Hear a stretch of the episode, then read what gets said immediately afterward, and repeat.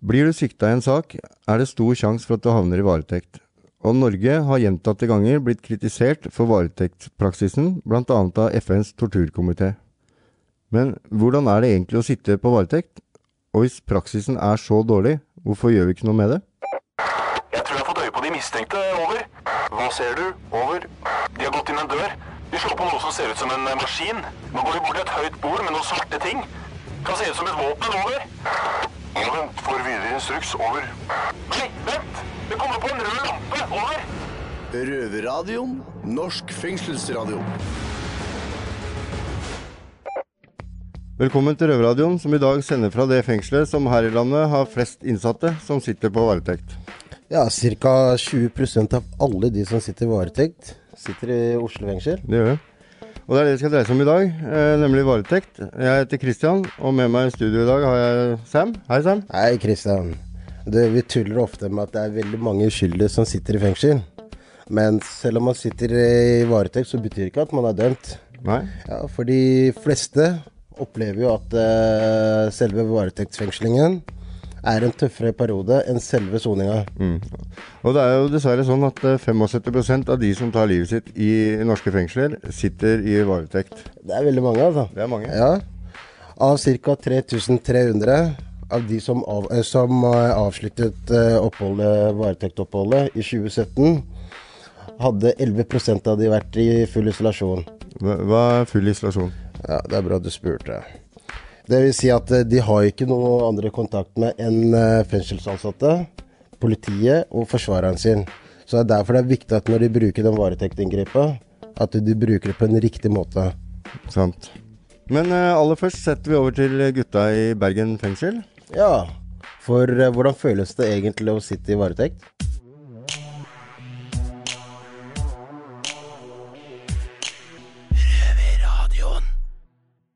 Hei og velkommen tilbake til Røverradioen. Mitt navn er Miguel. Og jeg har med meg eh, sidekicksene mine, Øystein og Rikard. Velkommen. Hei, tilbake. Hvordan går det? Ja, det går veldig bra. Det går bra? Nei, Det gjør jo ikke det. Det går egentlig drit. Vi er i fengsel. um, vi, skal, vi skal snakke om uh, varetekt i dag. Du Øystein, du, du sitter jo på uh, dom. Det vil si at du har fått en dom. Du er ferdig med varetekt. Hva, hva er det som um, Hva er det som er bra med det? Oi. Det er veldig mange gode ting med det.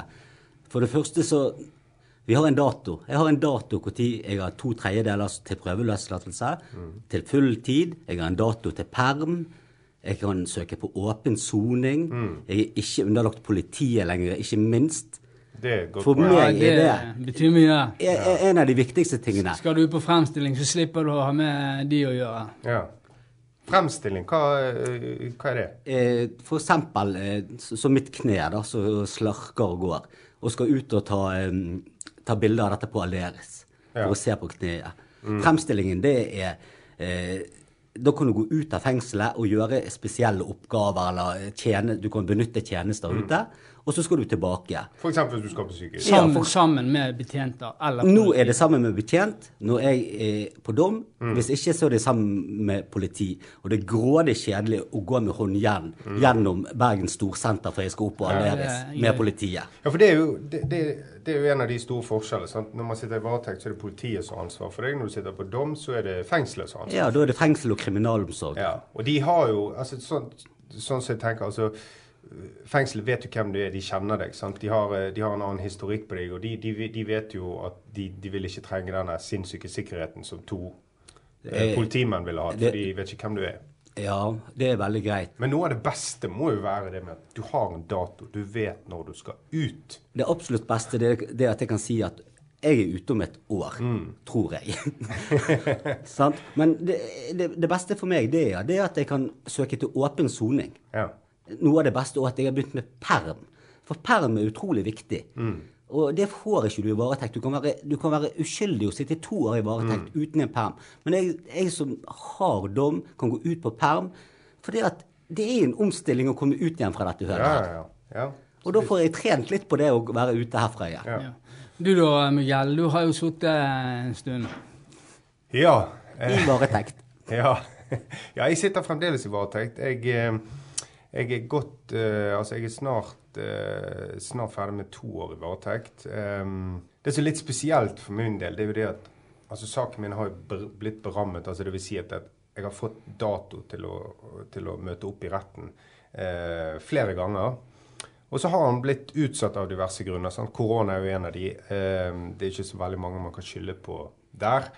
Eh, men så har det også vært innimellom eh, litt rot fra både domstol, eh, aktor osv. Så, så, så, så saken min skulle ha vært oppe for en god stund siden, men eh, så har han bare blitt utsatt. utsatt. Men er, er det lov i et lands, lands Norge at det er rot fra aktor? Ja, at ikke- du ikke får hovedforhandlingene? Er ikke det regler på hvor lenge man skal sitte i varetekt? Jo, altså, jeg, jeg leste et eller annet sted om at altså, Det står i loven at saken din, dvs. Si, du skal eh, rettssaken din skal komme opp innen rimelig tid etter du har blitt arrestert. Og hva er rimelig tid? sant? Og de har lagt seg på en grense på ca. et år. Det skal helst ikke overskride så mye mer enn et år, men et år ser de også på som relativt lenge å vente til du skal i retten.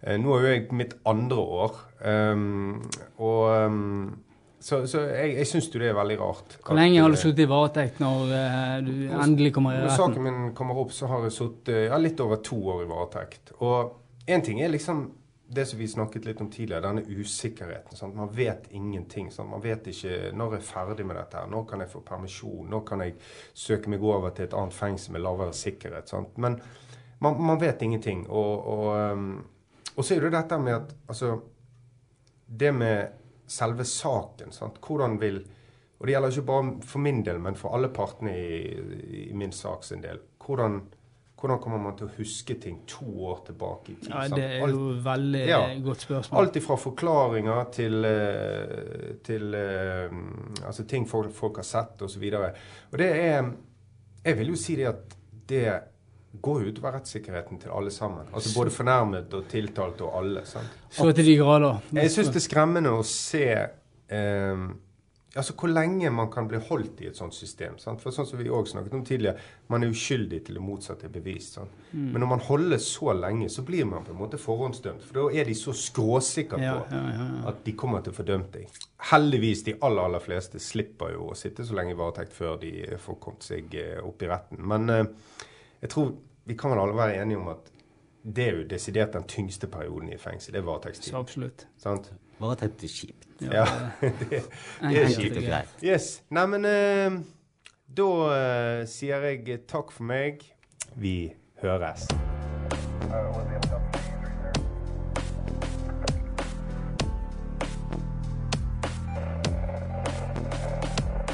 Takk til eh, gutta i Bergen fengsel. Bergen, ja. Ja, nå skal vi videre i sendinga, Kristian. Det skal vi. Ja. Ja. Selv om jeg er en erfaren røver sjøl som har sittet i mye varetekt, så er jeg ingen ekspert på varetektsbruken i Norge. Eh, vi skal heldigvis få besøk av en av Norges mest kjente advokater, bortsett fra min egen selvfølgelig, Tor Bakke Vik. Eh, nemlig Øystein Storvik. Han startet advokatfirmaet Storvik i 1986, og har tidligere forsvart kjente kriminelle som Tony Caspersen, David Toska osv. Ja, men han har virkelig peiling, altså. Han har peiling. Ja. Velkommen hit i Røverstudio, advokat eh, Øystein Storvik. Takk. Velkommen skal du være. Vanligvis når vi får gjester, så spør vi om de har vært i fengselet før. Men med deg så er det kanskje ikke vits. For eh, du har jo vært advokat og dommerfullmektig siden midten av eh, 80-tallet. Ja, det stemmer. Jeg var her på besøk i fengselet for første gang for nøyaktig 35 år siden, og har vært der regelmessig siden. Så jeg har vært, eh, vært rundt i mange fengsler helt regelmessig i de årene som jeg holdt på som forsvarer. Eh, først, eh, kan du forklare for folk som ikke har vært i klammeri med loven, eh, hva varetekt egentlig er for noe? Ja, Det er jo et inngrep som eh, kommer før det er bestemt om man er skyldig eller ikke, så det er jo et eh, foreløpig tvangsinngrep. Hvor man fratas friheten med helt bestemte konkrete grunner. Det må være konkrete grunner som gjør at man da eh, sitter inne før spørsmålet om skyld er endelig avgjort. Og Derfor så er det egentlig ganske strenge kriterier i loven for at man skal sitte i varetekt. Men eh, for å bli varetektsfengsla, så må du i fengslingsmøte. Hva er det? Nei, det er jo der det Man skal jo framstille sitt etter bestemt antall timer som man fremstilles for en dommer. For at en dommer da skal vurdere om det inngrepet er riktig etter loven. Så det er jo en, en rettssikkerhetsordning da hvor man ikke kan sitte lenger enn det. Hva er de forskjellige grunner til at man sitter i varetekt? Nei, For det første er det mest i begynnelsen bevisforspillelsesfare, altså at man ikke skal kunne gå rundt omkring og, og ordne med beviser.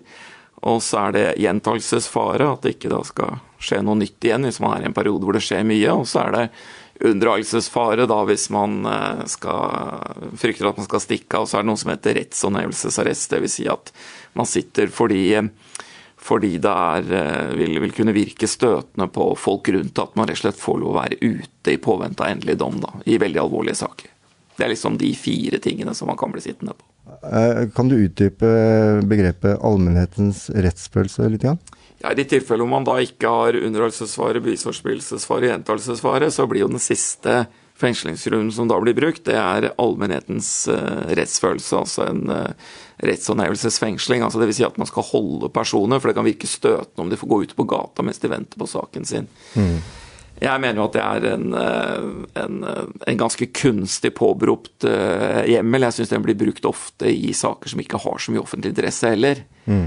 Så, så det, det, en Det blir en sånn måte å fengsle på som, som, som slår ganske tilfeldig ut, syns jeg. Og jeg tror ikke Jeg tror nok allmennheten ganske i stor grad forstår at eh, personer er ute fram til endelig rettskraftig dom. Jeg tror nok eh, domstolene overdriver at det er så, så stor eh, at, at, at, at, den brytes så fort. Mm. Og så er det jo et, et, kriterium som også slår litt tilfeldig ut. Da. Noen saker er jo nesten ikke omtalt. Og, og, folk blir sittende likevel på det grunnlaget, mens det er det andre som er veldig omtalte, og som ikke blir pågrepet på det grunnlaget. Så det kunne nok eh, med fordel vært en, rett og slett en bestemmelse kunne vært strøket. At man rett og slett kunne holdt seg til de konkrete grunnene for varetekt, og det er det. Mm. Men eh, i noen tilfeller kan man jo kanskje forstå at uh, offeret ville kanskje mista litt troen på uh, rettssikkerheten i landet, da. Hvis yeah. man ser f.eks. Uh, hvis, hvis broren din da har uh, blitt knivstukket f.eks., uh, og du ser gjerningsmannen i Oslos gater en måned etterpå, Eh, så ville jeg i hvert fall følt eh, at det kanskje man ikke får den samme tiltroen til rettssystemet. Ja, det er klart, men da forutsetter en konkret vurdering, altså en vurdering hvor det virkelig vil være et problem. Men eh, det som er, jeg opplever, er at det ofte blir en konstruksjon. Det er mange som går ute som sikkert mange pårørende til ofre syns er helt grusomt at de er ute. Og Det har jeg full forståelse for. Men når man skal bruke det som fengslingsgrunnlag, så kan det slå veldig tilfeldig ut. Fordi at uh, man kan tenke seg de alvorligste tilfellene, at man kan opprettholde et sånt grunnlag. I ekstremtilfellene er lett å skjønne eksempler hvor det ikke vil være praktisk mulig å ha personer gående ute i de helt ekstreme tilfellene, men det er, det er ganske få unntak. som man kunne, og Da har man ofte også en, en, en hjemmel i gjentagelse. Mm. I, de, I, de, aller alvorligste sakene så ville man også kunne fengsle på gjentagelse. Mm. Men eh, Før sending så snakka vi jo litt grann. Uh, det var et punkt også som heter uforholdsmessighet. Hva er det? Ja, det er en generell regel som dommeren plikter å vurdere helt fra første stund, hvor man veier altså det er jo en byrde å sitte fengslet når man ikke er eh, altså Det har jo konsekvenser for den enkelte, og så skal det veies opp imot det behovet som da påtalemyndigheten definerer, og så skal dommeren veie det. Og hvis det da er uforholdsmessig byrdefullt inngrep å sitte i varetekt, så skal man løslates. Og det skal vurderes under alle faser av varetekten. Så hvis man da har eh, barn, jobb, eh, alt på plass egentlig ute, da, så kan det veie tungt da, for å slippe ja, varetekt? Så veies det opp imot behovet for å sitte, og så vil jo i praksis sakens alvorlighetsgrad ha veldig stor betydning. Mm. Uh, vi, vi, har jo faktisk en røver her i, i Røverradioen som tidligere har sittet veldig lenge i varetekt. og på bakgrunn av den kanskje litt rare allmennhetens rettsfølelse, da, eh, så skal vi snakke litt med han. Da kan jo du ta en kaffepause, Sam. Jeg har så mye kaffe som du drikker. Jeg håper det er mer igjen. Vi får se. Yes. Da ønsker jeg velkommen tilbake, Denzel. Yes. Du var med i Røverradioen for omtrent ett år siden. Men uh, du er jo fortsatt i Oslo fengsel. Uh, men så valgte du å prioritere skolen. Uh, trives ja. du på skolen? Ja, jeg trives på skolen. Ja. Da du var her sist, så satt du i varetekt. Nå sitter du på dom. Når ble du arrestert? Cirka i 2017. Desember 2017. Vil, vil, du si noe om saken din? Nei. Jeg tenkte meg egentlig det. Uh, men vi kan være enige om at det er en alvorlig sak, kan vi si det? Ja. ja. Eh, hvor, hvor lenge satt du i varetekt eh, før du fikk dom? Jeg tror eh, Jeg vil si nesten tre år. Du, du var ikke ute i mellomtida? Nei. Nei. Eh, Øystein, eh, er det uvanlig å sitte så lenge i varetekt? Ja, i det som kalles kompliserte saker, som altså hvor det er en omfattende, komplisert etterforskning, så vil retten veldig ofte godta lang varetekt. Mm, Altfor lang etter min vurdering. da Man godtar det for lenge før man setter ned foten. mm. Og det er liksom vanlig at man da sitter varetektsfengsla og, og går bare rett på dom etterpå uten å være ute i mellomtida? Ja, det er vanlig i i det som kalles alvorligere saker, så er det blitt veldig vanlig etter hvert. Ok, Hva er, hva er det lengste du veit om som advokat? Eh, som har, hva er det lengste noen har sittet i varetektsfengsla?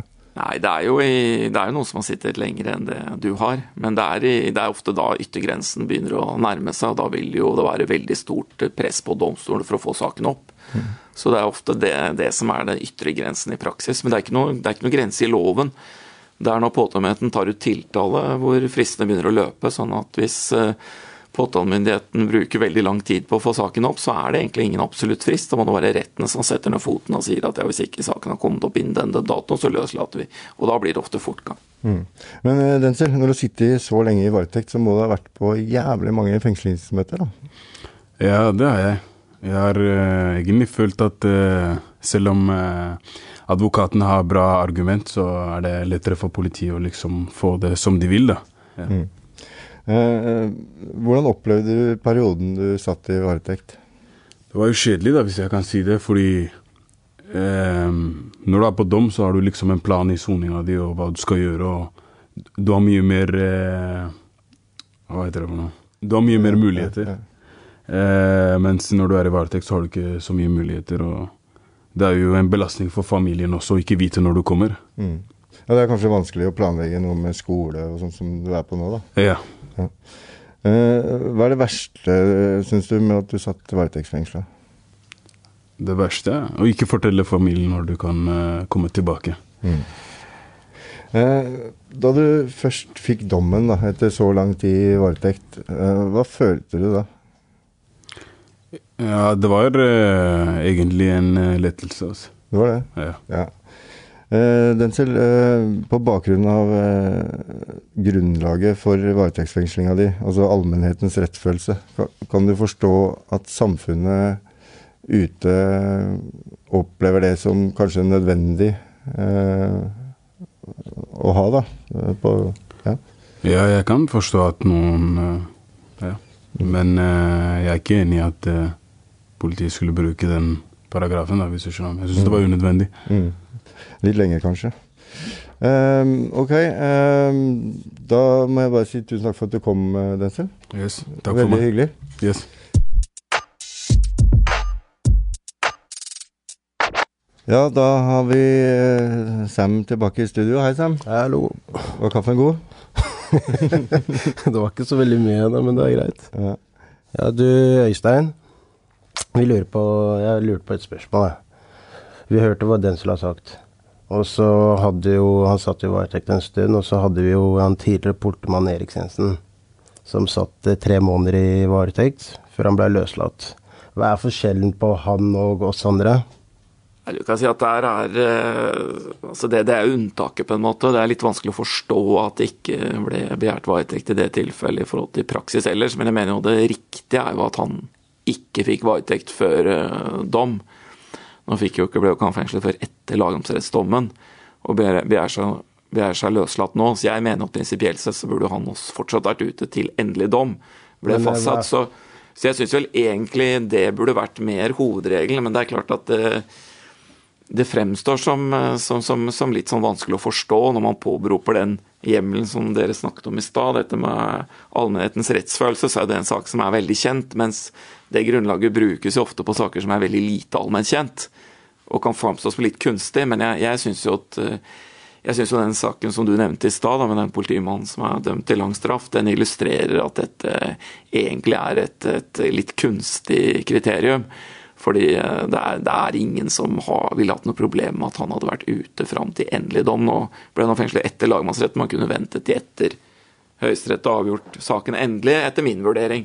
Men jeg ser at dere ser at det blir, blir litt eh, vanskelig å forstå, men det, det er egentlig ikke så lett å plassere akkurat den, jeg synes, den saken. jeg syns Denzil eh, sin sak, da syns jeg liksom Tre år er lenge.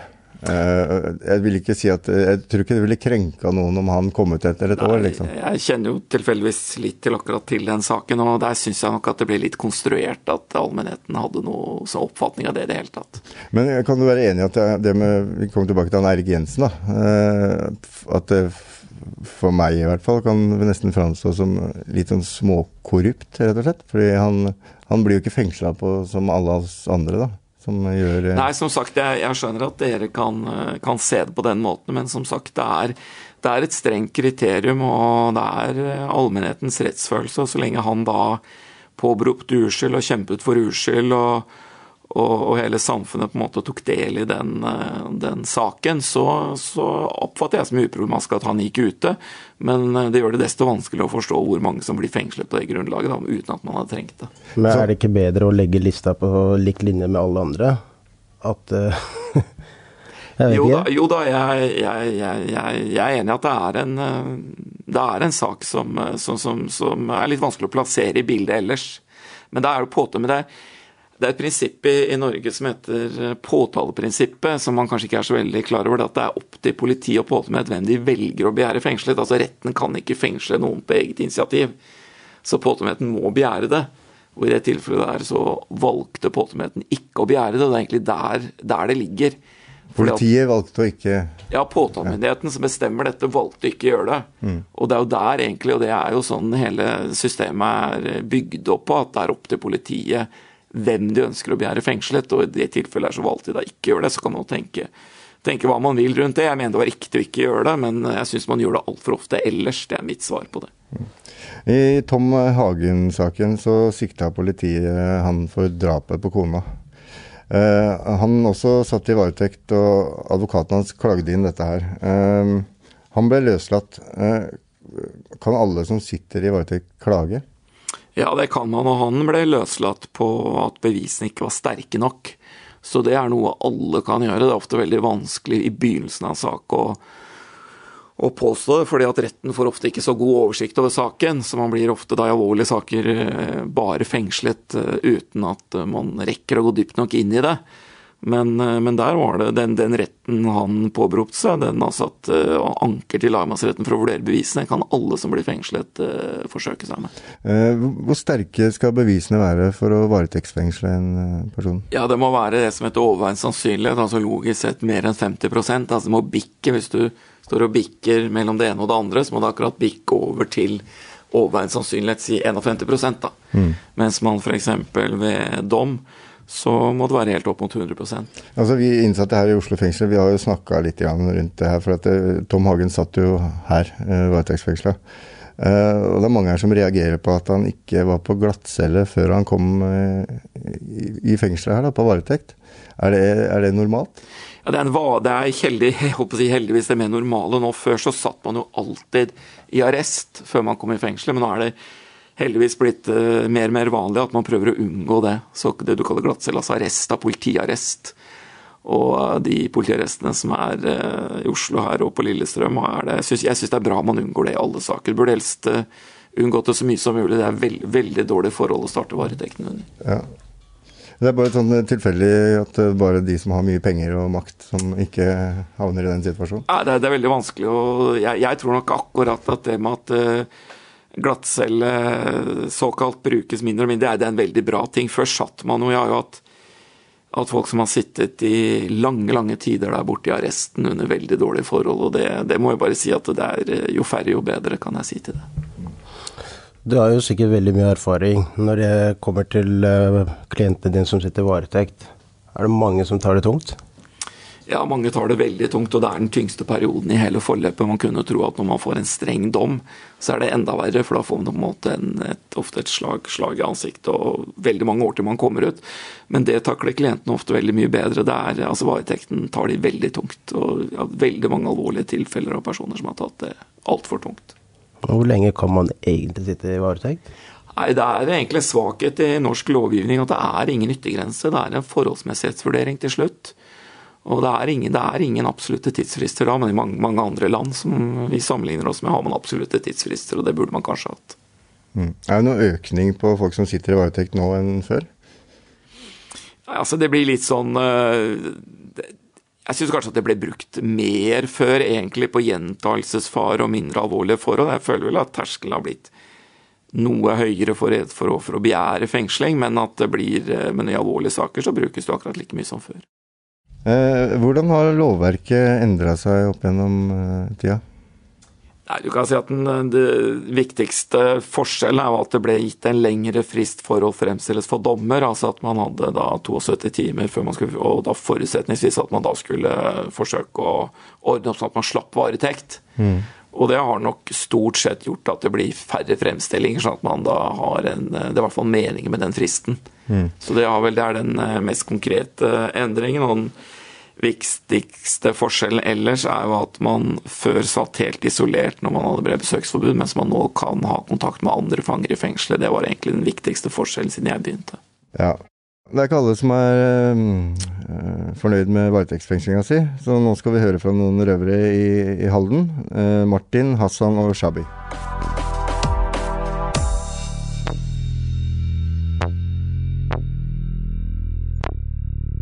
Ja, hva skjer gutta? Går det bra?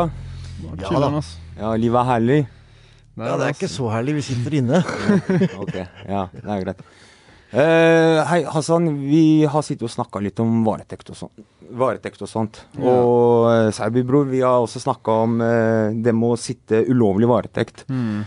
Og du fortalte noe i stad til meg om at du hadde sittet ulovlig varetekt, Ja, ikke ja, fire timer. Ja. Det som var greia, da, var at jeg ble fe- varetektsfengsla i en uke Mm. for en, en sak. Og så sitter jeg den uka, og så blir jeg, skal jeg bli egentlig løslatt da, etter den uken. Og så den dagen jeg skal bli løslatt, så ble jeg ikke løslatt. Så jeg ble der ut dagen. Og så fikk jeg, hva heter det Ble jeg pågrepet på nytt da, mens jeg var i varetekt. Ja. Og det stemmer ikke. Det er, det er på en måte ulovlig, da. Fordi liksom vedtaket har gått ut, og de har ikke gitt meg noe nytt vedtak. Ja. Og da, det er ikke den måten de skal gjøre det på, da. Ja, riktig, for at du skal bli løslatt til et visst eh, tidspunkt, ikke sant? Ja, til fire de har på seg, til klokka fire. Ja, og du satt over det, ikke sant? Ja, fire timer over klokka fire. Ja. Og så når jeg er der, så får jeg, blir jeg pågrepet på nytt, og så blir jeg begjært på nytt fengselsmøte da, dagen etter. Ja. Noe som egentlig jeg skulle blitt egentlig skulle, Den måten det skulle skjedd på, da var at jeg skulle bli løslatt, og så kunne de pågripe meg på nytt. Og så kunne de framst, eh, framstilt meg for nytt varetektsmøte, da. Ja. Men det de heller gjorde i stedet, var bare lot meg være i cella uten at jeg visste at jeg var løslatt i fire timer, og så hadde jeg en sånn ny fengselsmøte da, dagen etter. Men de sa ikke hvorfor eller noen ting, ikke sant? Nei, De mente det var en feil, liksom. Fordi det var to forskjellige politidistrikter. som Den ene var Manglerud, og den andre var Oslo. da. Ja. Så hadde bare Oslo kommet og tatt over eh, den nye på den andre saken. da, for de hadde, ja, på den andre saken. Ja, og det, det er jo ikke sånn det skal være, altså, i det hele tatt. Nei, eh, du, det, det, du skal ha en vedtak på deg. Fordi at de, det tidspunktet La oss si at det står en tidspunkt på at det, du har varetekt til klokka fire.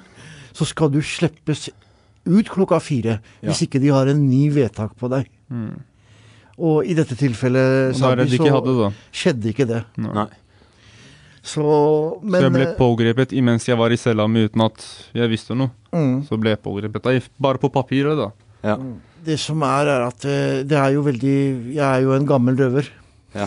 så, så jeg har jo sittet litt i 90-tallet og vært med hele utviklinga fra 90-tallet i kriminalomsorgen.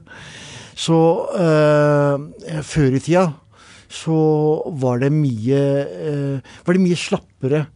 Eh, varetektstidene var mye lengre. Eh, du kunne sitte For eksempel, jeg satt åtte måneder i forbud uh, i en enkel sak. Ja, og uh, Du sier forbud. Hva er forbud for noe? Uh, forbud, det var i 90-tallet. Det vil tilsvare i dag noe som kalles FIS. Er fullstendig isolasjon. Og i dag så er det helt andre retningslinjer, da. Hvis du skal sette noen i fullstendig isolasjon, så må du øh, være to uker av gangen. Og så må du ha legetilsyn og masse greier, da. Men i 90-tallet så bare var det ikke noen regler på det. Så derfor så fikk Norge eh, veldig mye påpakning fra Amnesty til å redusere eh, varetektstida, for folk satt uten lov og dom, da, på en måte, i mange år av gangen, og det var ekstra belastning. Ja, det gjør han. i flere tilfeller. Ja. at, eh, men de skal jo Det, vi, det, det politiet gjør, da De framstiller oss for eh, varetektsfengsling foran en dommer. Og da må politiet bevise at det er 51% oversannsynlighet på at det er vi som står bak den handlingen, da. Ikke sant? Eh, Jeg satt og så på TV i den Hagen-saken. Og der fortalte de at i 99% av tilfellene, når politiet ber om varetekt, så får de det. Det er jo fullstendig galt med den statistikken. For det er samme som å si at, det, at det, 99% av tilfellene så har politi, politiet rett. At de har tatt en riktig person. Det, det, den statistikken kan jo ikke stemme, men det er ingen som gjør noe med det. Fordi ingen bryr seg. Nei. Det, vi har jo sett flere folk som har sittet flere år i varetekt og, og så bare gått rett ut. Ja. Det har vi sett. Du hadde jo en eh, som Ja, vi, Det var en her i Hallen fengsel som hadde sittet eh, bortimot fire år i varetekt før han ble løslatt. da. Ja. Konklusjonen min er at det har blitt mye bedre fra 90-tallet, men det er ikke godt nok.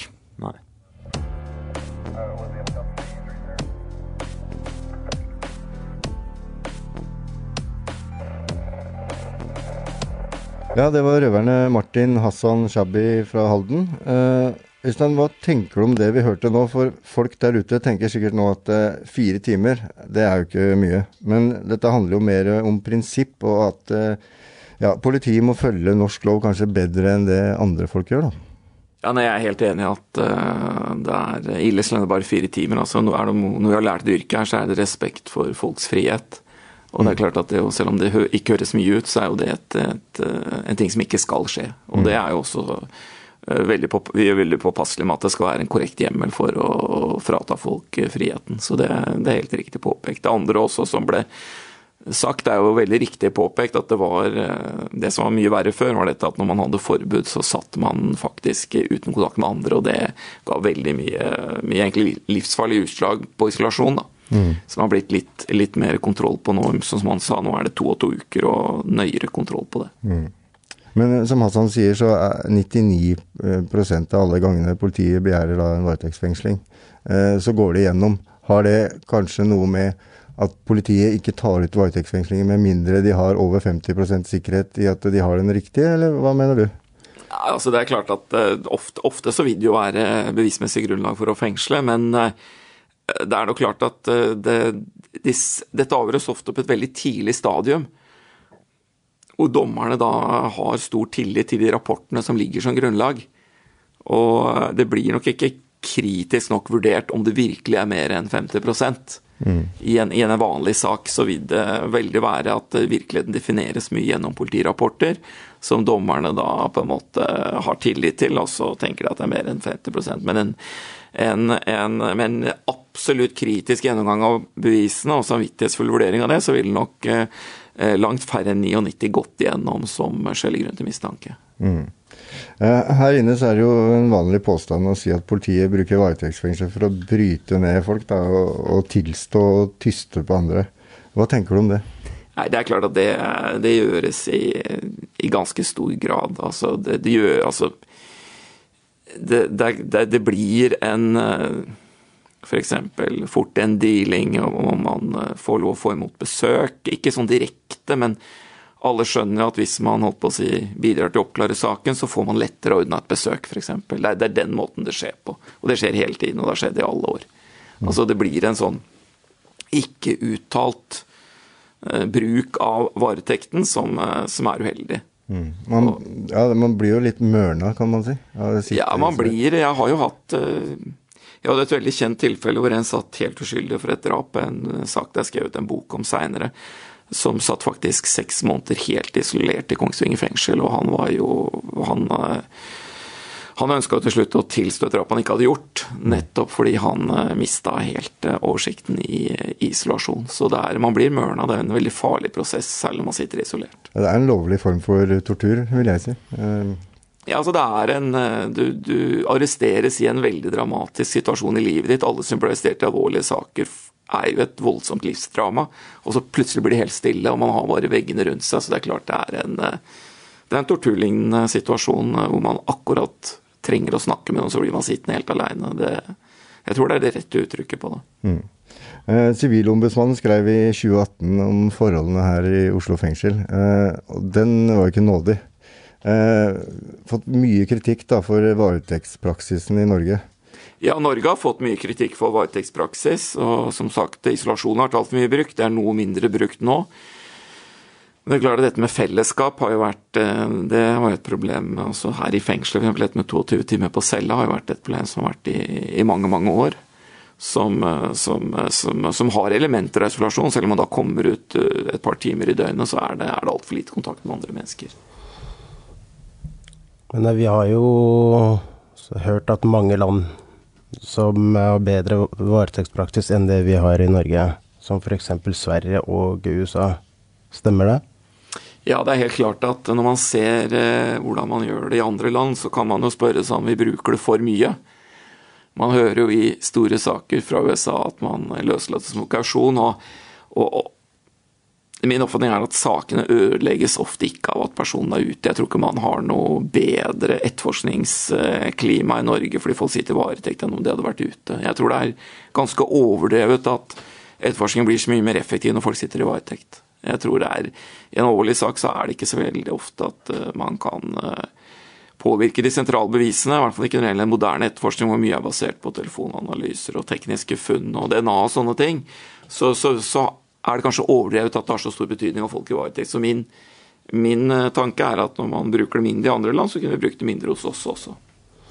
Men er det uvanlig i måten du bruker praksisen på? Det, det, aller mest uvanlige er jo de veldig lange varetektene. Hvis man sammenligner med sånn som i Sverige, så blir det jo satt klare frister for når tiltale må tas ut. Og det er en svakhet ved det norske systemet at det kan gå Dere har jo nevnt eksempler her på tre-fire år før man kommer foran en domstol og får prøvd skyld og ikke skyld. Og det, er, det, er, det burde klart reformeres. Fins det kausjon i Norge? Ja, det fins i loven, og vi har eh, påberopt fra tid til annen, men jeg kan ikke huske at det har blitt at det har gått igjennom. Eh, det, det har vært tilfeller hvor man da pantsetter huset sitt og sånne ting, men det er liksom litt sånn unorsk tankegang, da. Man vil jo liksom at folk, skal, folk som har penger og ikke penger skal behandles likt i forhold til uh, friheten sin. Så det er, det er hjemmel i loven, men vi har aldri fått det til sånn at noen har fått sluppet ut på kausjon i Norge. Og det, jeg syns ikke det er noe reform og, og, at folk som har hus og pantsette eller har masse penger å stille som garanti, skal slippe varetekt i forhold til folk som ikke har uh, midler. Så jeg, jeg, tror vel ikke det er akkurat kausjon av veien å gå. Jeg tror heller det er bedre å bruke og innse at f.eks. unndragelsesfare blir overdrevet. At uh, min erfaring er at folk møter i retten selv om de ikke sitter i varetekt. Bør vi endre på praksisen, og i så fall hvordan? Altså Jeg mener vi bør endre på praksis og bruke varetekt mindre. Fordi man har, det er ikke så nyttig som man tror, og da er det jo naturlig at man bruker det mindre. Jeg mener at uh, min dag-til-dag-erfaring gjennom alle disse årene tilsier f.eks. underholdelsesfare, så løslates en person, man påstår at det er underholdelsesfare først, så, så, vil de stort sett i praksis møte samme oss i retten. Jeg kan ikke huske å ha opplevd at en person har blitt løslatt av varetekt og så da ikke ha møtt i retten sammen med meg etterpå.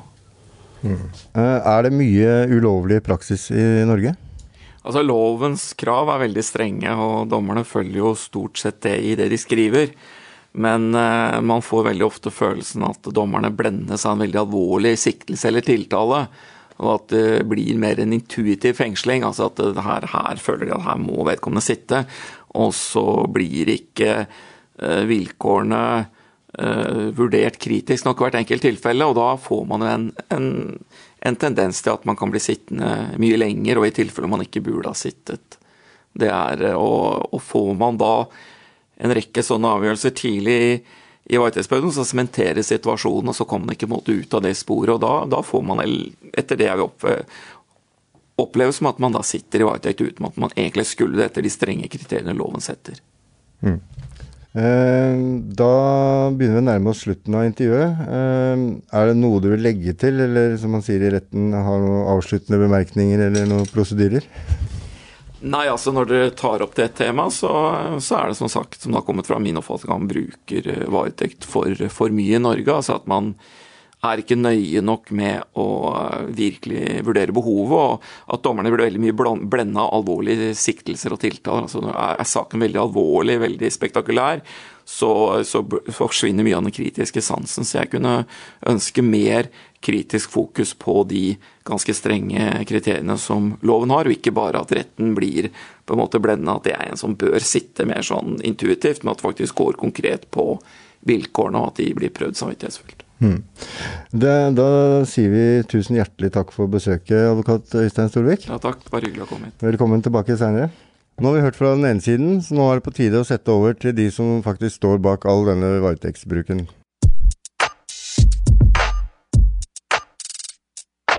Takk for det, gutta. Jeg heter David, og jeg er nå i Røverradioens studio på Storo i Oslo. Det er ikke alltid så lett for de på innsiden, altså de som sitter i fengsel, og um, undersøke ting på utsiden. Derfor har vi på utsiden fått i oppgave å undersøke da med domstolen hva de har å si. Jeg heter Ina Strømstad og er tingrettsdommer i Oslo tingrett. Jeg kjenner meg ikke igjen i den beskrivelsen at domstolen blir blendet av alvorlige siktelser. Ehm, og la meg understreke det at når vi gjør en vurdering av varetektsfengsling, så er det en oppgave vi går til med stor grad av ydmykhet. Ehm, vi vet at dette er eh, helt avgjørende eh, beslutninger for folks liv. Eh, vi setter i så fall folk i varetekt som fortsatt ikke er, er, dømt. Og det er en oppgave vi går til eh, eh, med respekt. Samtidig så er jo eh, det vi skal vurdere, det er jo forankret i loven. Eh, det er, eh, det er jo ikke sånn at jeg kan, kan, finne på vilkårene for å putte en person i varetekt. Det står i loven hvilke kriterier som må være oppfylt.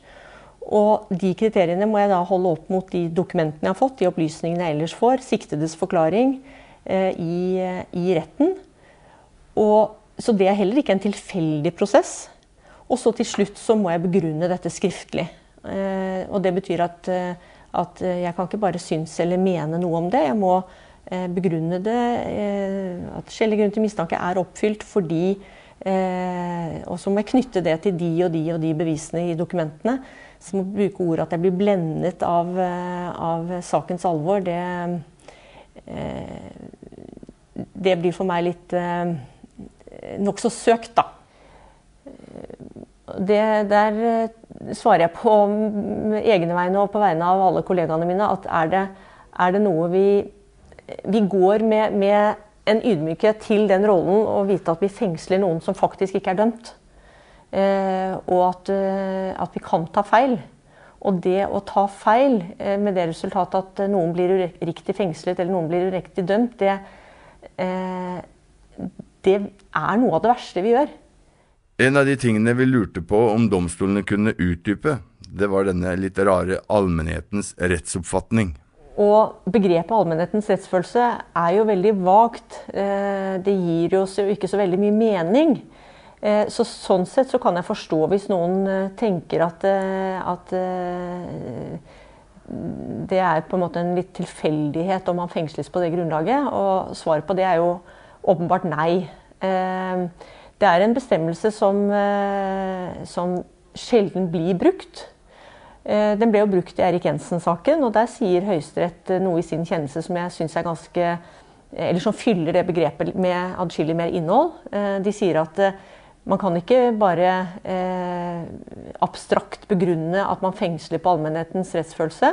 Eh, det må være konkret begrunnet. Og så går de eh, inn i den saken og nettopp konkret begrunner hvorfor er det nødvendig å fengsle på allmennhetens rettsfølelse i den saken. Så det at, eh, at man eh, Eller at eh, Storvik her sier at det er en kunstig påberopt hjemmel, nærmest sånn at man, sånn som jeg oppfatter han, tilpasser litt resultatet til, til, Eller begrunnelsen til det resultatet man vil ha, det er jeg ikke enig i. Da kunne det jo nærmest høres ut som vi har en sånn egeninteresse eller et, et, behov for å fengsle folk, og det har vi jo overhodet ikke. Eh, er jo, vi er jo klar over at det er noe av det mest belastende vi gjør. Men hva tenker domstolen om Røver Denzels påstand om at det er mye enklere for politiet å få viljen sin under fengslingsmøter? Ja, altså, jeg holdt på å si statistisk sett så har han jo rett i den forstand at eh, vi tar jo begjæringen om fengsling til følge mye oftere enn vi ikke gjør det. Eh, det har jo en side til at politiet skal jo ikke be om eh, et så inngripende tvangsmiddel som fengsling, med mindre de mener at det er nødvendig. Sånn at de har gjort en forhåndsvurdering av det. Eh, og, og, eh, og, det tilsier jo at de gjør en riktig vurdering, da, i den forstand at jeg hadde jo vært bekymret hvis det var sånn at vi løslot eh, i eh, en veldig høy prosentandel. For det vil jo bety at eh, politiet på en måte anførselstegn prøver seg med fengsling når det ikke er grunnlag for det. Eh, så sånn sett har han rett i den forstand at, at statistisk sett så, så, får de som oftest medhold. Så kan det være typisk i en Altså dette med politirapporter. Ja, vi må jo stole på eh, at det i hvert fall ikke ligger noen bevisste feil eller bevisste feilopplysninger fra politiets side i disse rapportene. Eh, vi har et politi som det er grunn til å ha høy tillit til. Det betyr ikke at, eh, at ikke de også kan gjøre feil. Men, men Norge er en rettsstat, hvilket innebærer at vi kan legge til grunn at både politi, påtalemyndighet, domstoler eh, ikke er eh, korrupte, ikke tar andre hensyn enn de saklige hensynene vi skal ta. Og det betyr jo for oss som sitter her og vurderer dokumentene, at eh, ja, vi stoler i utgangspunktet på at det som står der, i hvert fall ikke er bevisst feil. Så da har vi fått høre hva tingrettsdommer Ina Strømstad tenker om kritikken fra advokat Storvik. Vi har også forsøkt å få politiet til å kommentere dette, uten hell. Ja, dette er David. Da sender jeg mikken tilbake til gutta i Oslo fengsel.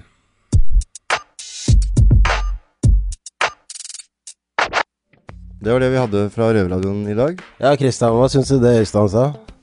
Nei, um jeg skjønner jo at dommerne blinder seg litt på hvor grov tiltalen er. da. At man kanskje sitter litt lenge i varetektsfengsla fordi man er så blinda av alvorligheten i, i tiltalen. da. Mm. At man kanskje sitter Man kan sitte månedsvis og kanskje år pga. at det, saken har vært såpass grov, men at det egentlig ikke er noen grunn til at man skal sitte så lenge. da.